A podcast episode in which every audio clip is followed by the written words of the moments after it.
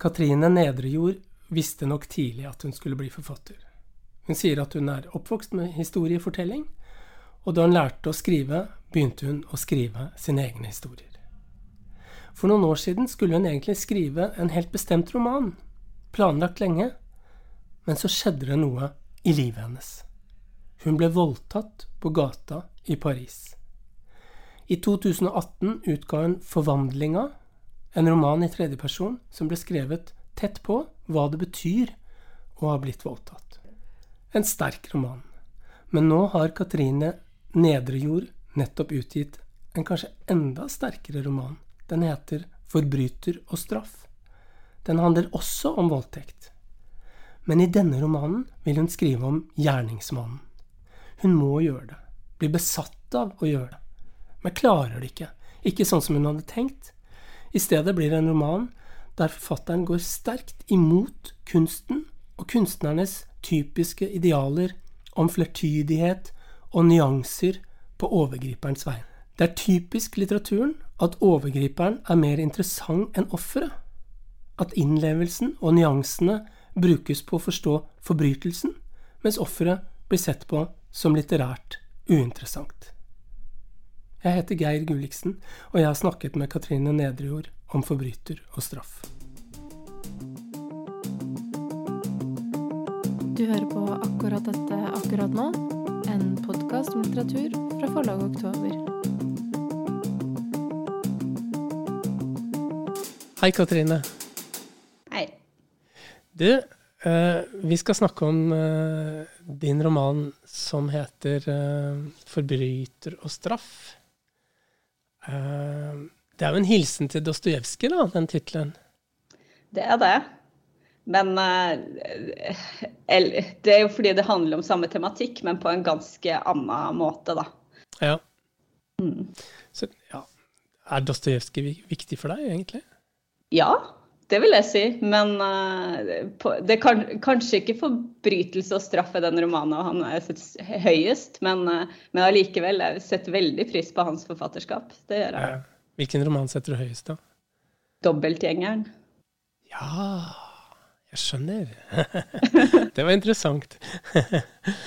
du, eh, utgangspunktet for eh, forbryter og straff, det er at en ung kvinne blir voldtatt på gata i Paris, og den kvinnen er deg.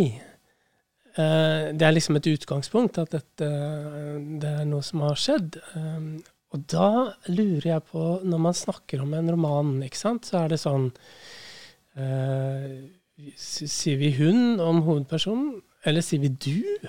Liksom? Hvordan skal man lese denne romanen? Ja, altså Det er meg, og det er ikke meg. Eh, på, og jeg har jo prøvd på litt sånn eh, Eh, som har blitt lagt merke til, prøvd på noen sånne små vis å vise at det er, det er, forskjeller mellom meg og hovedpersonen her. Fordi at det er rett og slett sånn jeg jobber med tekst. Det er ikke, for meg så er ikke det viktig at det faktisk stemmer 100% fordi at da skriver ikke jeg så godt som hvis jeg kan jobbe, fiksjonalisere det litt. da. Sånn at Hovedpersonen her heter Katrine. Jeg heter også Katrine, men jeg skriver det uten, med H, mens hun skriver det uten H. da. Sånn at det er vel en liten pekepinn på, på at det er forskjeller der. da. Ja. Eh, det betyr at eh, vi må prøve å snakke om hovedpersonen som hun, eh, og, ikke, og, ikke, du. Og det er, det er, jo interessant, det der. Jeg tror det ofte Det kan ofte være vanskelig å forstå det der når det ligger tett på, og så sier man ja, men det er, det er likevel en annen. Ja. Hva, hva, klarer du å si noe mer om det? Hva, hva, er det der? Jeg har tenkt litt på det, for jeg har vokst opp med mye historiefortelling i familien min. Mammaen min har fortalt så mye historier som jeg har tatt for å være sannhet. Men uh, så har jeg jo, når jeg prøvde å skrive en sakprosabok i fjor, så gikk jeg litt etter nøyere, i sømmene og oppdaga at veldig mye var usant. Men det var også de elementene som gjorde det til en god historie. Sånn at jeg, jeg tror rett og slett jeg arva litt den tanken på en historie at, uh, at noe krydder må, noe må stables om, noe kronologi må endres, noen karakterer må bort, noen Ja, rett og slett uh, Det må knas og formes for at det skal bli en god deig, da. Eller, ja. Et godt brød til slutt, kanskje. ja, ja, jeg skjønner. Uh, men det er litt interessant det der, fordi uh, nå trodde jeg du skulle si et eller annet om litteratur, og litteratur er på den måten og sånn, men det du snakker om da, er vanlige fortellinger, folkelige fortellinger. At de også er sånn! Men uh, når man har en folkelig fortelling, så pleier man å late som det er sant. Ja. Mens når man utgir en roman, så er man litt opptatt av hvis, Vanligvis, da, veldig ofte opptatt av å, si det er ikke helt ja. Det er ikke én til én, ikke sant? Mm. Hvorfor gjør man det, da?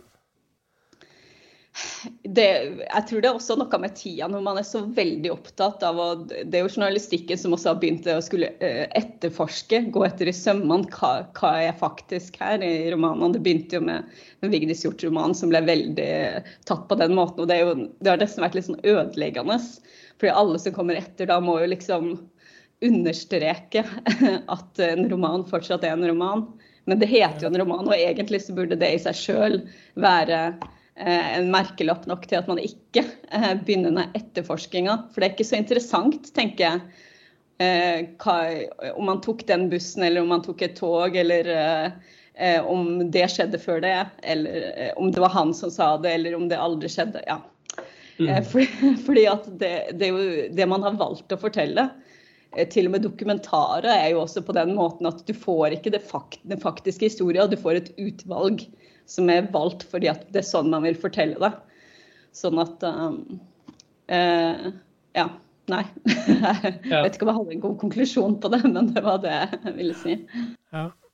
Og samtidig er det veldig fascinerende, ikke sant. Det, det, det der når man vet at noe på én måte er sant, så blir man så trukket um, mot det. Men denne romanen Jeg lurer på om vi skal Skal vi starte med at du leser fra åpningen? Ja, det kan vi gjøre. Jeg har bestemt meg for å skrive om han. Det lyder som en besvergelse. Jeg veit ikke når setninga først faller i hodet på meg. Kanskje en av de dagene det ikke regner den vinteren, og jeg går en tur i parken eller langs kanalene og prøver å riste av meg noen tanker eller ord som plager meg som plutselig setter seg sammen på en ny måte og former ei setning jeg ennå ikke kan stå inne for. Eller kanskje ei av nettene jeg vrir meg i senga eller ved siden av kjæresten min, desperat skifter stilling igjen og igjen og til slutt gir meg over, henter fram mobilen, åpner notatprogrammet, trykker inn bokstavene. Jeg gjør ofte det, noterer setninger som faller meg inn, det er ikke alltid jeg mener dem. Det hender jeg bare skriver dem for å bli kvitt dem. Slippe å gå rundt og bære på noe så unyttig. Skrive om han. Jeg tror jeg må ha notert det av den grunnen. Si det høyt, og så sprekker det i dagslys. En idiotisk idé, en usunn idé, en idé som faller på sin egen urimelighet. Jeg vil ikke skrive om han. Jeg har til og med skrevet det ned som en annen besvergelse i en roman, 'Forvandlingen', som er utgitt og allerede befinner seg der ute i verden, som kan leses av hvem som helst når som helst. Jeg kan aldri skrive om han. Det er ikke lenge siden jeg fikk beskjed om å lese den tekstbrokken høyt for et publikum. Jeg sto på en scene og hadde sagt at det gikk helt greit å lese på sparket. Jeg kunne heldigvis ikke se fjesene på første rad, bare silhuettene av folkemengden. Jeg begynte å lese, jeg begynte å nøle. Jeg kjente ikke min egen tekst igjen, og så nærma jeg meg konklusjonen der oppdragsgiveren hadde markert med en linje at jeg skulle stanse. Jeg kan aldri skrive om han. Det må noen andre gjøre. Jeg snubla nesten da jeg kom dit, hadde glemt at jeg så bestemt hadde avvist den ideen tidligere. Hadde glemt hvor godt jeg argumenterte for det. Gi han opp, gi han over til seg selv. La han være den han er. Jeg påsto i den teksten at jeg aldri kunne behandle han rettferdig, og at for å skrive om han, så måtte jeg kunne gjøre det. Så måtte jeg kunne framstå, iallfall til en viss grad, som nøytral. Jeg forherliger nøytralitet. Jeg tror jeg har forherliga nøytralitet livet igjennom.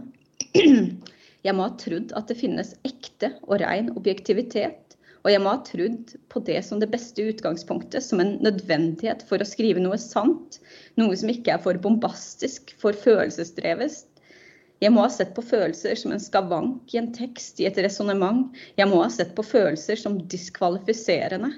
Jeg må ha sett på personlig engasjement som mistenkelig, som en destruktiv kraft i teksten. Nå tviler jeg på hele ideen. Finnes nøytralitet? Finnes objektivitet? Finnes det mennesker som er så blanke ark at ikke erfaringene spiller inn i møte med en påstand, en person, en historie? Som om jeg noensinne var nøytral. Som om ikke fødested, familie, språk, kultur allerede hadde merka meg, forma meg lenge før jeg ble voksen. Skrive om han. Det er ingen god idé. Jeg veit det før jeg har sagt det høyt. Jeg hører motargumentene fra familie, venner, kjæresten min. Jeg hører deres jamrende hvorfor. Jeg ser deres bekymra blikk. Jeg kan kjenne samtalene bak ryggen min, hviskende og urolige. Hva er det hun driver med, burde vi ikke stanse henne? Ikke skriv om han. Han var lenge bare en kropp for meg, ikke en identitet, et helt menneske. En lang periode visste jeg ikke engang hva han het, og når jeg nevnte han i enkelte tekster, ga jeg pronomene stor bokstav for liksom å markere viktigheta. Han, han, han. Det går ikke lenger. Mye hender med språket mitt ettersom tida går. Jeg kan ikke snakke om han slik jeg en gang gjorde. Han endrer seg i meg. Det dukker opp nye tabuer der de gamle forsvinner. Da jeg til slutt fikk vite hva han het, var det uproblematisk å skrive navnet. Jeg sendte meldinger alle veier. Nå veit jeg hva han heter, skrev jeg, og så skrev jeg det. Bokstavsammensetninga som blei til navnet hans, var ingen trussel for meg. Det angikk meg ikke. Det var ufarlig helt til det ikke var ufarlig lenger. Jeg kan ikke skrive navnet hans lenger. Ingen steder, ikke her, ikke i en privat beskjed. Ikke si det høyt, om ikke rettssystemet på et eller annet vis tvinger meg til det. Og det skjer nesten umerkelig. Jeg er ikke sikker på hvilken dag navnet hans endra karakter for meg, hvilke øyeblikk det gikk fra å være et faktum til å bli noe som var umulig å bære. Men det hendte, og nå er det slik. Jeg skriver 'han' med liten bokstav, og navnet hans er urørlig, usigelig, unevnelig. Som en av disse skurkene fra en av disse fantasiverdenene hvor ondskap er ondskap og godhet er godhet.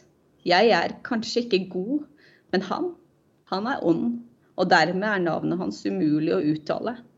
Så hvorfor skrive om han? Jeg pleier å ville skrive om mennesker jeg beundrer, mennesker med mot, men ikke mennesker uten skavanker, ikke mennesker uten sår, rynker, sitt på samvittighet. Det er gjerne mennesker som bærer på noe, men han bærer ikke på noe. Det er iallfall det jeg tror. Jeg sitter noen kilometer fra der han antagelig også sitter akkurat nå. Jeg tror at jeg er den som bærer på hans smerte. Jeg tror han skubba den over på meg den første gangen vi møttes, og at jeg seinere ikke har vært i stand til å dra den av meg, kvitte meg med den. At jeg nå bærer på han like mye som jeg bærer på meg sjøl. Kanskje tror jeg at å skrive om han vil gjøre han lettere å drasse rundt på. Kanskje tror jeg at å si navnet hans høyt, eller ikke navnet hans, for det er bare bokstaver Han er mer legeme, mer kropp, mer fysikk enn fødselsattest. Men å nevne han, den han er for meg, flere ganger, mange ganger, over hundrevis av sider, vil ta fra han kraft, makt. Hvorfor? spør kjæresten min da jeg endelig sier det høyt.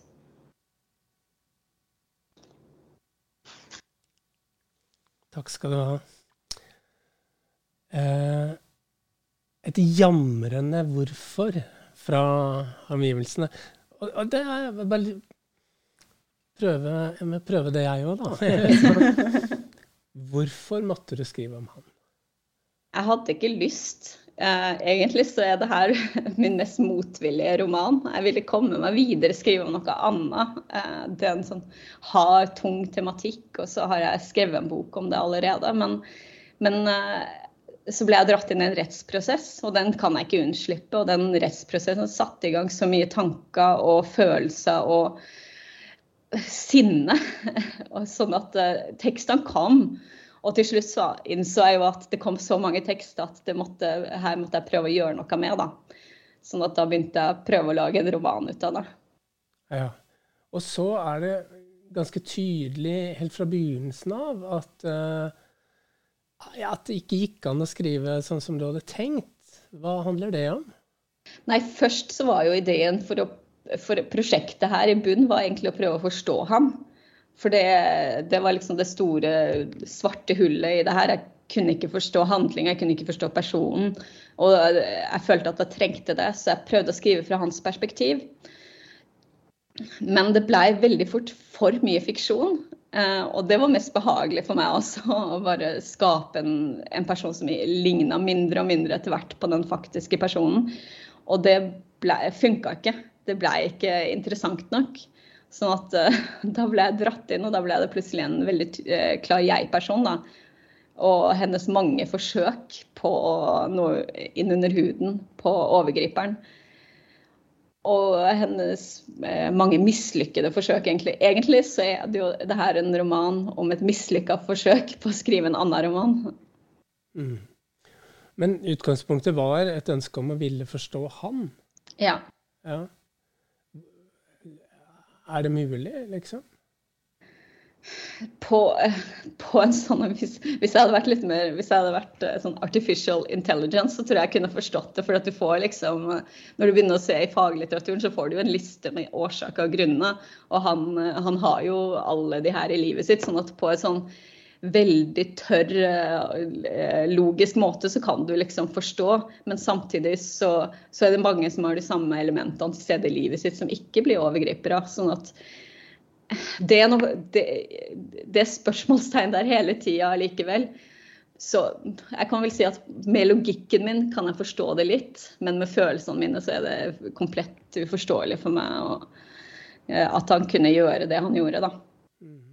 Men er det også litt sånn typisk at den som blir offer for noe, liksom blir tvunget til å prøve å forstå overgriperen? Ja, jeg tror det. fordi at eh, jeg har konsumert veldig mye eh, historie om kriminalitet. Og vært borti veldig mange pårørende, enten folk som, ja, pårørende eller offer. da. Og alle sier det samme. Og eh, det her hvorfor, hvorfor, hvorfor. Og det hørte jeg så mange ganger. Også, og ofte kom det kanskje rett etter en slags forklaring på forbrytelsen. For ofte så har de en eller annen forklaring på det. Men den holdt liksom ikke. Du vil ha, du vil ha en forklaring som vil mer enn uh, enn det simple, banale faktum liksom, som har skapt så mye skade. da. Og det tror jeg også er litt uh, min ting også. Sånn, fordi at på, En voldtekt er på en måte en selvforklarende forbrytelse. Fordi at uh, du er ute etter seksuell nytelse av en eller annen måte, på en eller annen måte. Sånn at man forstår hvorfor noen voldtar, men uh, man forstår ikke hvordan man kan skade det andre mennesket. Eh, så det er det som eh, Det er vel litt mellom det her, da. At jeg kan forstå det rent faktisk, at det, det var det han ville oppnå med det. Men samtidig, ja. Ja.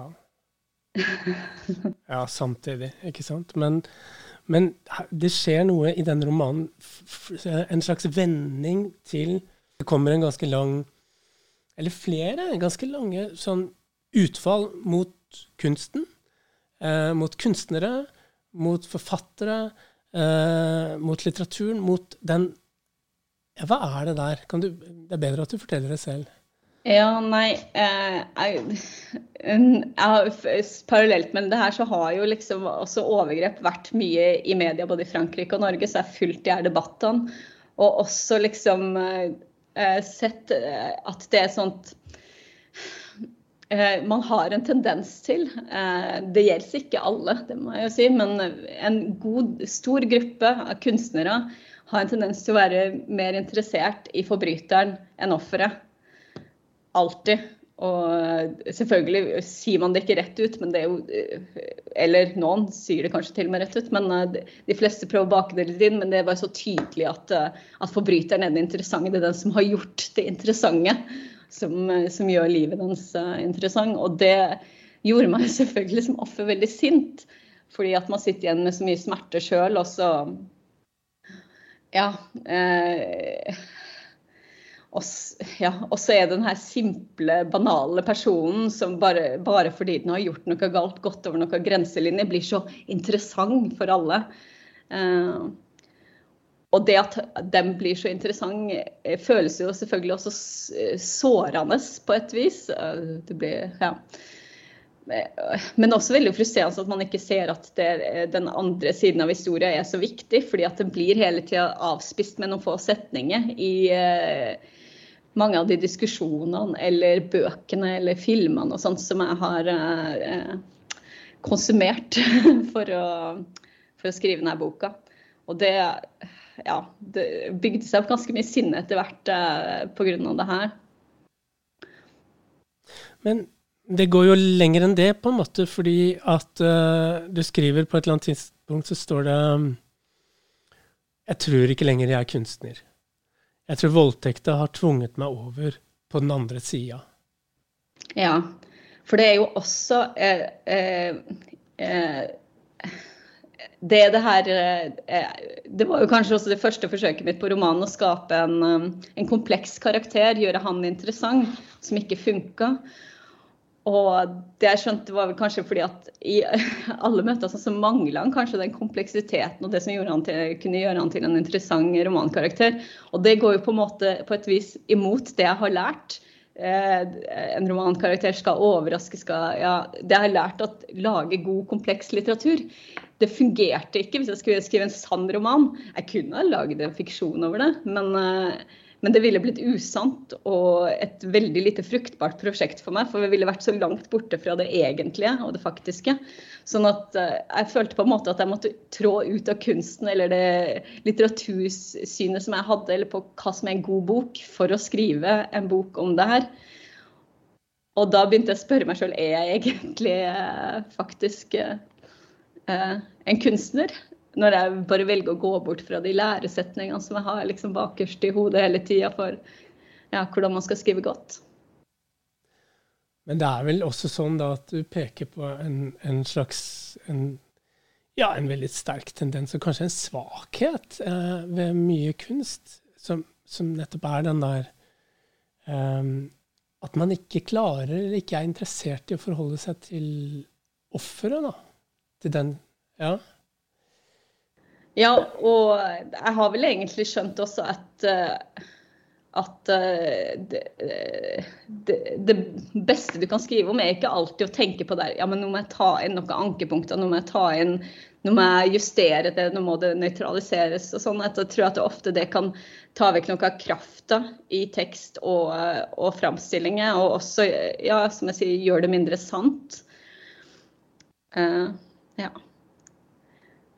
Jeg syns det er vanskeligere å, å, si det enn å skrive det, men eh, ja. Ja, det skjønner jeg. Det, skjønner. det, er jo en helt annen sak, på en måte. Ja. Og det jeg har tenkt på, liksom den der å snakke som offer, eller skrive som offer, er kanskje to helt forskjellige ja. ting òg? Eh, selvfølgelig kan, ikke, kan, jeg ikke sitte og snakke med det samme raseriet som jeg har i boka, for det ville ikke gått. Og det muntlig så blir jo litt av det, det litterære i det borte, for at du klarer ikke å komme, komme inn i den samme flyten og klarer ikke å bruke ord på samme måte. sånn at det er jo det som er litt av det Derfor jeg trenger romanen.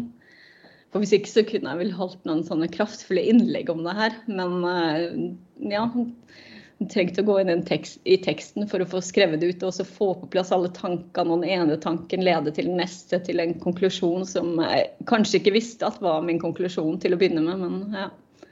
Mm. Men eh, det er jo en utrolig rik roman, dette her. Den jobber i mange retninger, samtidig som den er helt klar, liksom. Den, har, den følger eh, en rettsprosess fra, fra overgrepsmannen blir eh, identifisert og, og, og, frem til han blir dømt. ikke sant? Mm. Uh, men inni der så skjer f.eks. det at du på et tidspunkt sier Og nå driver jeg og sier du da hele tiden. Ja, nå jeg har også glemt meg. Ja. Altså. Men det er sånn det er. det er. det er. vanskelig å holde rede på dette her. Men jeg prøver en gang til. skal jeg si at hun, hovedpersonen, um, på en eller annen måte ufrivillig må liksom erkjenne en slags uh, uh, altså hun, hun, blir rasende over alle sånne tendenser til å si det der er kvinnelig, det der er mannlig. Uh, for hun kjenner seg ikke igjen i det. kjenner seg ikke igjen i det kvinnelige. Men her skjer det et eller annet i den prosessen. Hva er det for noe? Plutselig så må hun liksom ja, det, jeg, jeg, tenker jo at selve sånne voldtekta for meg var på en måte eh, en endelig sånn wake-up call, for å bruke litt engelsk, da, for å virkelig skjønne at jeg er kvinne. Og denne utsattheten hadde ikke jeg hatt som eh, Det samme ville ikke skjedd om jeg var mann. Selvfølgelig, en mann kan bli voldtatt, men eh, det ville ikke skjedd på, på den måten som det, eh, det, skjedde med meg. Og det er litt hardt å, å innse at kjønnet ditt begrenser deg på et vis. også for, fordi at det er lett å sammenligne han og meg, da. Hans liv var jo å være som en kvinne. så Du kunne ikke levd hans liv som kvinne. Fordi du ville vært så utsatt for alt mulig. For han er jo en hjemløs eh, stakkar som liksom Han har ingenting.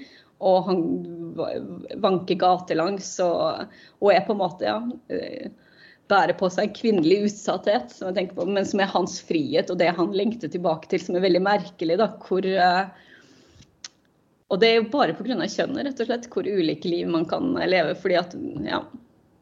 ja du beskriver det veldig, veldig sterkt, hvordan det ja, Det å til liksom plutselig erkjenne at man tilhører et, et kjønn som er mer ettertrakta på den ene siden, og, og, og mer sår, som fysisk sårbart, ikke sant? Ja, ja. Ja. Uh, det er veldig, veldig sterkt. Og så kommer uh, På en eller annen måte i forbindelse med det, så kommer da dette forsøket på å betrakte hendelsen Hendelsen, ja. Betrakte voldtekten, heter det. Fra hans side. Mm. Det partiet er veldig interessant, syns jeg. Hvordan var det å skrive det, eller hva Det var eh, det er litt sånn, Da måtte jeg jo virkelig gå ut av meg sjøl for å gjøre det. fordi at en av de første tingene som, som går liksom pirke i det, det største forskjellen mellom meg og han i det øyeblikket, er at jeg er redd. Og han er ikke det. Han har kontroll over situasjonen. Og da blir jo alt helt annerledes. For det første så vil jo selvfølgelig ikke han huske det på samme måte som jeg husker det. Det er ikke skjellsettende, det, det er ikke traumatiserende for han å gjøre det, sånn som det er for meg. Og så har jeg liksom måttet blande inn uh, mine Altså en kontrollfølelse. Og ja, jeg har rett og slett måtte se bort fra meg sjøl, men jeg kunne ikke gjøre det helt, for jeg blir jo sint av, av alle hans tanker om hvor ufarlig det er. For han ufarliggjør det jo hele tida. For fordi Selvfølgelig gjør han det, for eh, han kan ikke forstå at jeg var så redd. For det var jo ikke han hadde ikke tenkt å drepe meg. Det visste han, det visste ikke jeg. Og eh, det gjør Ja, det, akkurat det, det, her punktet, det at den som er redd og den som ikke er redd, er liksom det som endrer hele situasjonen og gjør at den ser helt annerledes ut. Og når jeg skjønte det, så gikk det an å skrive om det og lage på en måte scenen. og og, eh, og så måtte jeg jo selvfølgelig lytte på en del eh, gjerningsmenn fortelle om forbrytelsene sine. Eh, blant annet var det liksom, Jeg hørte på en sånn radio, fransk radiodokumentar hvor det var en som sa at han hadde drept kona si da, kvelt henne, og sa at akkurat da så kjentes ikke hun ut som et menneske seg sjøl for meg, men bare en ting. Og at det er en sånn, hvis, at man blir et objekt for den andres uh, sinne eller seksuelle nytelse eller et eller annet. At, at man slutter å se på det som menneske, for det må man jo. Man må jo viske vekk empati for å kunne voldta. Fordi det, du kan jo ikke gjøre det hvis du kjenner empati for den du gjør det med. Gjør det mot. Eh, sånn at eh, det var noen av de nøklene til å komme inn eh, på det. Så jeg syns egentlig ikke at det var en scene som var så vanskelig å skrive.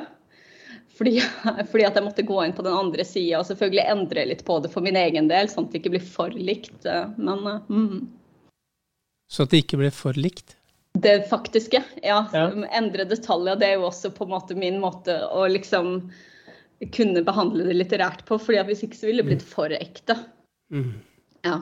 Mm. Det er en fantastisk eh, stykke i romanen. Det der fælt å lese, og det tror jeg liksom handler litt om at du beskriver så tydelig hvordan han øh, Ja, venter, sitter og ser på folk, venter på at noen på en eller annen måte, enten han er bevisst på det eller ikke bevi, helt bevisst på det, venter på at noen skal dukke opp som han kan eh, gå til angrep på. da, for, ikke sant? Og så på den andre siden så ser vi at den kvinnen Vi ser det der sårbare. Vi ser det der sårbare i at man ikke vet at man er i sitt liv, og ikke vet at noen plutselig sitter og ser på en og tar en beslutning.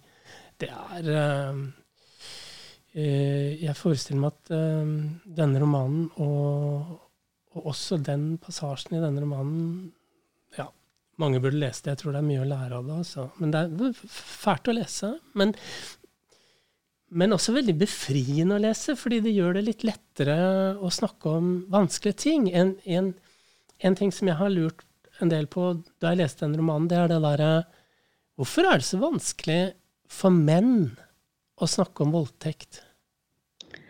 Ja, det syns jeg også er et uh, lite mysterium. For jeg kjenner jo mange menn som er ganske flinke til å snakke om vanskelige ting.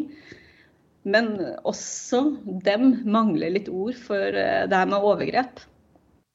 Og uh, ja, det, og rett og slett, jeg, vet, jeg vet rett og slett ikke. Er det en slags sånn skyld over sitt eget kjønn? At man vet at, at man er overrepresentert? Er det, mange blir veldig sint, da.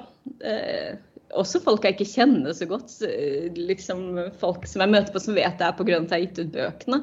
Veldig sinte eh, for at det kunne skje. Men det, det sinnet blir ikke så veldig verbalisert, annet enn at ja, liksom, han hadde fortjent ditt og datt. Sånn at uh, Nei, spør du meg, så spør jeg deg. Ja, ja. Ja, nei, men jeg tror, jeg tror, på dine svar, egentlig. Jeg, altså. Det derre eh, At man, det, man helst Jeg, jeg syns det er veldig vanskelig å liksom være en representant for mitt kjønn i det hele tatt. Men det er kanskje det, det punktet hvor det virkelig er vanskelig å være en representant for sitt kjønn. Da. For man, man føler en slags Jeg tror man er i nærheten av Må jeg føle skyld? Må jeg være med på å føle skyld? Eh, og det kan man ikke helt bare bortforklare. Og, det, og, og, så tror jeg veldig på det der at man, som du sier, at eh, man blir sinna, da. Sinna på den som har gjort det, og, og kanskje sinna på det, det Ja, hva er det? Det i det mannlige som gjør at, man, at, at menn er overrepresentert da, som, som overgripere. Fryktelig vanskelig! eh, å forholde seg til, og veldig interessant å forholde seg til når man leser eh, denne romanen, syns jeg. altså. Mm. Eh, så det, det, er en av mange ting som du gjør helt sånn akutt for den som leser. Men jeg bare Så er det der kunne jeg fått deg til å lese en, en kort passasje, fordi en en, som vi har vært inne på, en viktig del av denne romanen er rettsprosessen. Det, det, lager liksom en del av rammene, og det er forferdelig å være med på. Rettsprosesser er jo slitsomme for alle som er involvert, uh, tror jeg man kan si. Men, men dette er uh, ja, veldig bra. Og så kommer det et øyeblikk som er helt skjellsettende, og det syns jeg hadde vært fint å høre deg lese side 292. 292, ja. Etterpå Like etterpå var det igjen den tiltaltes tur. Det var hans tur i flere omganger. Han blei nødt til å reise seg i den blåmønstrede skjorta og snakke tydelig inn i mikrofonen. Hoveddommeren spurte hva han tenkte etter vitnemålet mitt. Han sa 'je le regrette', som kan bety 'jeg angrer, og jeg er lei for det'. Alle spissa ørene. Jeg blei ikke kvalm, mer svimmel. Hva kom nå? Hva angra han på, eller hva var han lei seg for? Dommerne spurte hva han mente med det. Han sa nei, det er jo synd på henne. Jeg føler jo med henne. Ja, stillhet. Lang stillhet blanda med forventning. Det ønsket man har, også utafor teatersalen, litteraturen, om en endelig katarsis. Nå sier han det, nå kommer det. Han trakk pusten, han sa. Men det er altså ikke jeg som har gjort det så kunne man høre hvordan lufta gikk ut av salen igjen. Takk skal du ha. Det, det er noe med dette øyeblikket som er utrolig opprørende, selvfølgelig.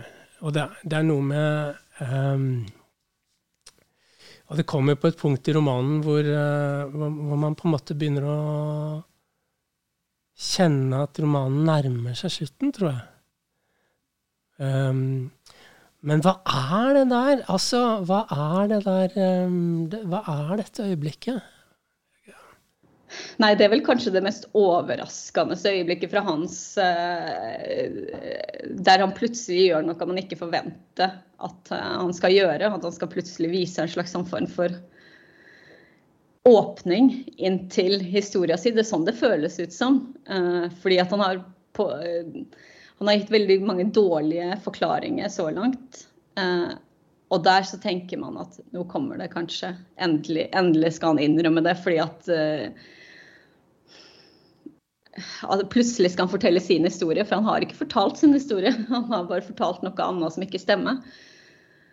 Og så enten backa han ut, tør ikke, eller så var det aldri meninga at han skulle gjøre det. det for meg så vet Jeg vet ikke det, men det Ja, nei. Det her er jo et øyeblikk som 100 skjedde. Sånn at eh, det vil for meg være et mysterium eh, hva som egentlig han begynte på der. Men eh, jeg håper jo bare at det var at han backa ut, at han hadde egentlig lyst til å ja, si noe sant for en gangs skyld. Ja, ikke sant. Og det er det som jeg tror ofte mange blir veldig opprørt over, er det der at det aldri er mulig å tilstå. ja. ja. Hvis, hvis, den som har gjort noe med en annen, bare kunne liksom tilstå, så ville mye være bra i et samfunn, ikke sant? Ja, ja. ja. Men du, dette er jo en uh, Du sier det er en roman som uh, handler om å ikke lykkes med å skrive en roman, og så er det likevel en veldig vellykket roman. uh, når du skriver, bruker du altså det, Jeg skjønner jo at du har gjort mye research her på materiale, sånn, sånn sakmateriale, men, men er det noen andre romaner som har hatt betydning for deg mens du skrev, eller? Ja, jeg fikk eh, Samboeren min ga gave til meg en, eh, en, bok som heter 'Laticia', som er skrevet av eh, en historiker, faktisk, som heter Ivan Jablonka. Og den, eh, den, handler om en veldig, veldig kjent eh, drapssak, voldtekts- og drapssak i Frankrike, som handler om Laticia, som var vel 19 år når hun ble voldtatt og drept. Og det var egentlig aldri noe mysterium hvem som var drapsmannen, men det var vel det at hun var ung og vakker, og det, ja, det ble, å finne lik hennes og sånt gjorde at hun ble veldig mediatisert i Frankrike. Og han har da gått denne uh, saken etter i sømmene.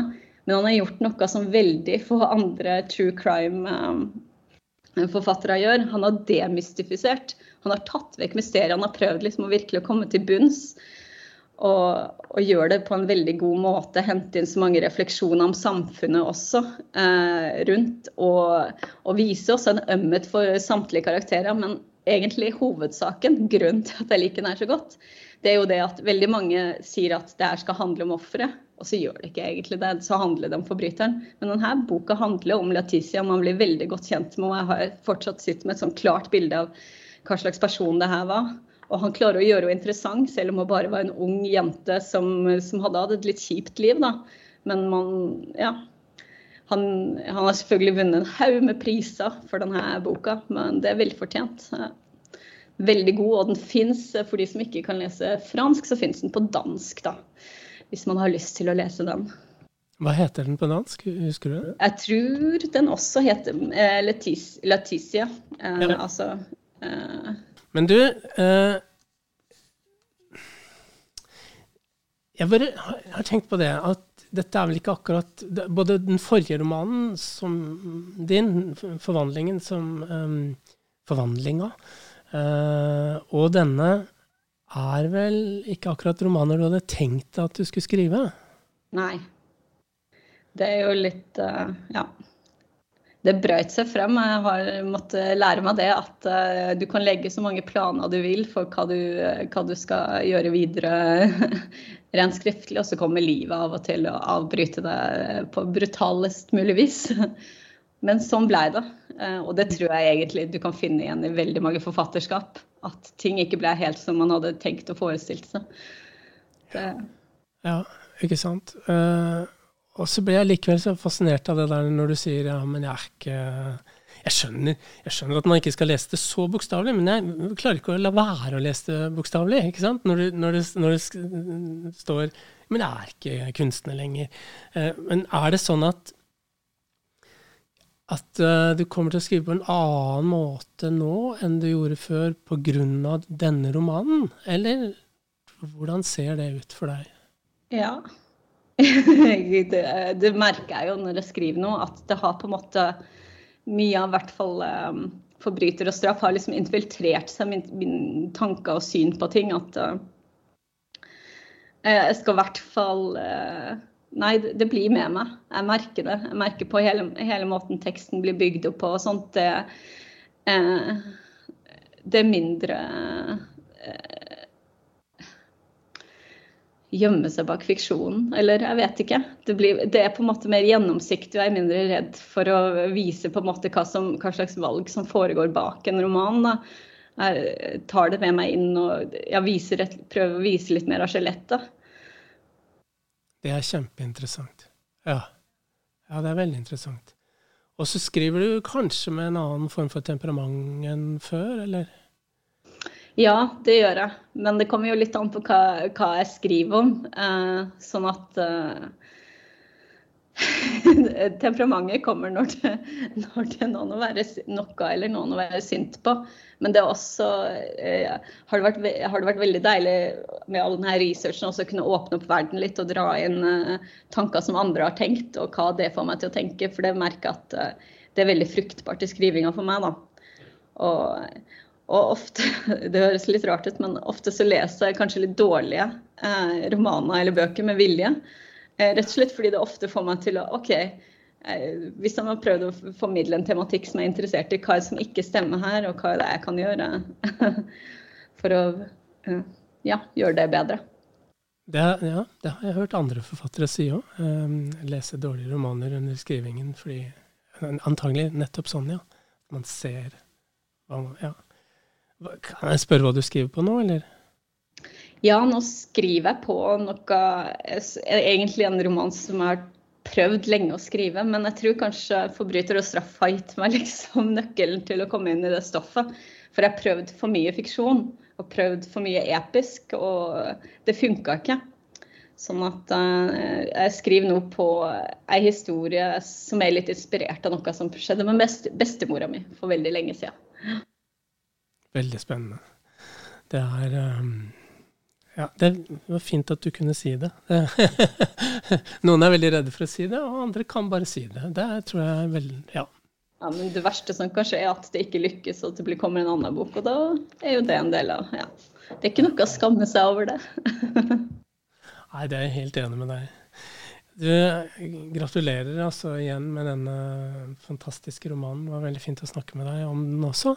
Takk skal du ha. Takk skal du ha.